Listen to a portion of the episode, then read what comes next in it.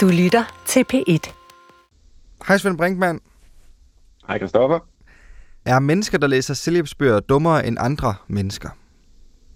Nej, det tror jeg ikke, for næsten alle læser selvhjælpsbøger. Og øh, det kan ikke passe, at der er så mange dumme mennesker. Jeg har også selv læst en hel masse. Jeg anser ikke mig selv for sådan specielt dum. Så det vil jeg ikke sige. Men det interessante ved selvhjælpsbøger er jo, øh, hvorfor hulen de er så populære, når de nu øh, ja, måske faktisk ikke rigtig virker.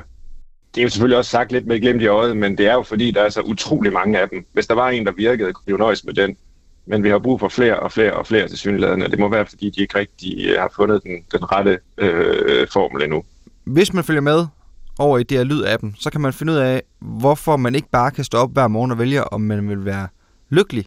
For det mener du ikke, man kan, men det mener den forfatter, som vi har læst, øh, godt, at man kan. Så der er jo en dejlig lille konflikt der. Den kan man, øh, som sagt, gå i DR Lyd-appen. Afsted og hjælp dig selv i DR Lyd-appen.